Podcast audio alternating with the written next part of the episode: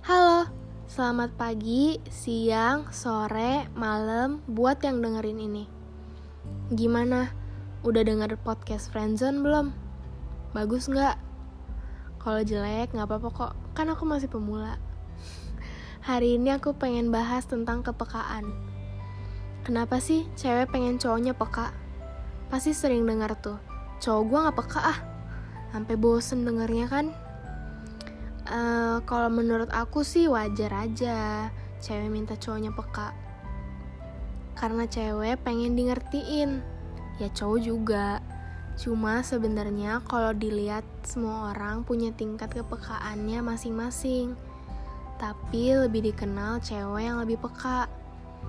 Cuma ya ada juga cewek nggak peka.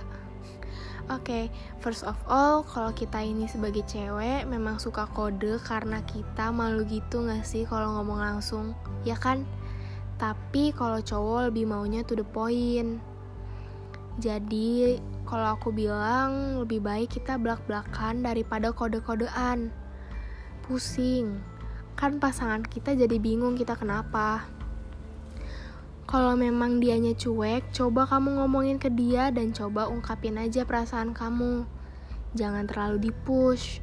Kalau dipush, dianya capek, bisa-bisa ilfeel. Apalagi tipe-tipe orang di dunia ini kan berbeda-beda. Terus ya pasti responnya berbeda juga.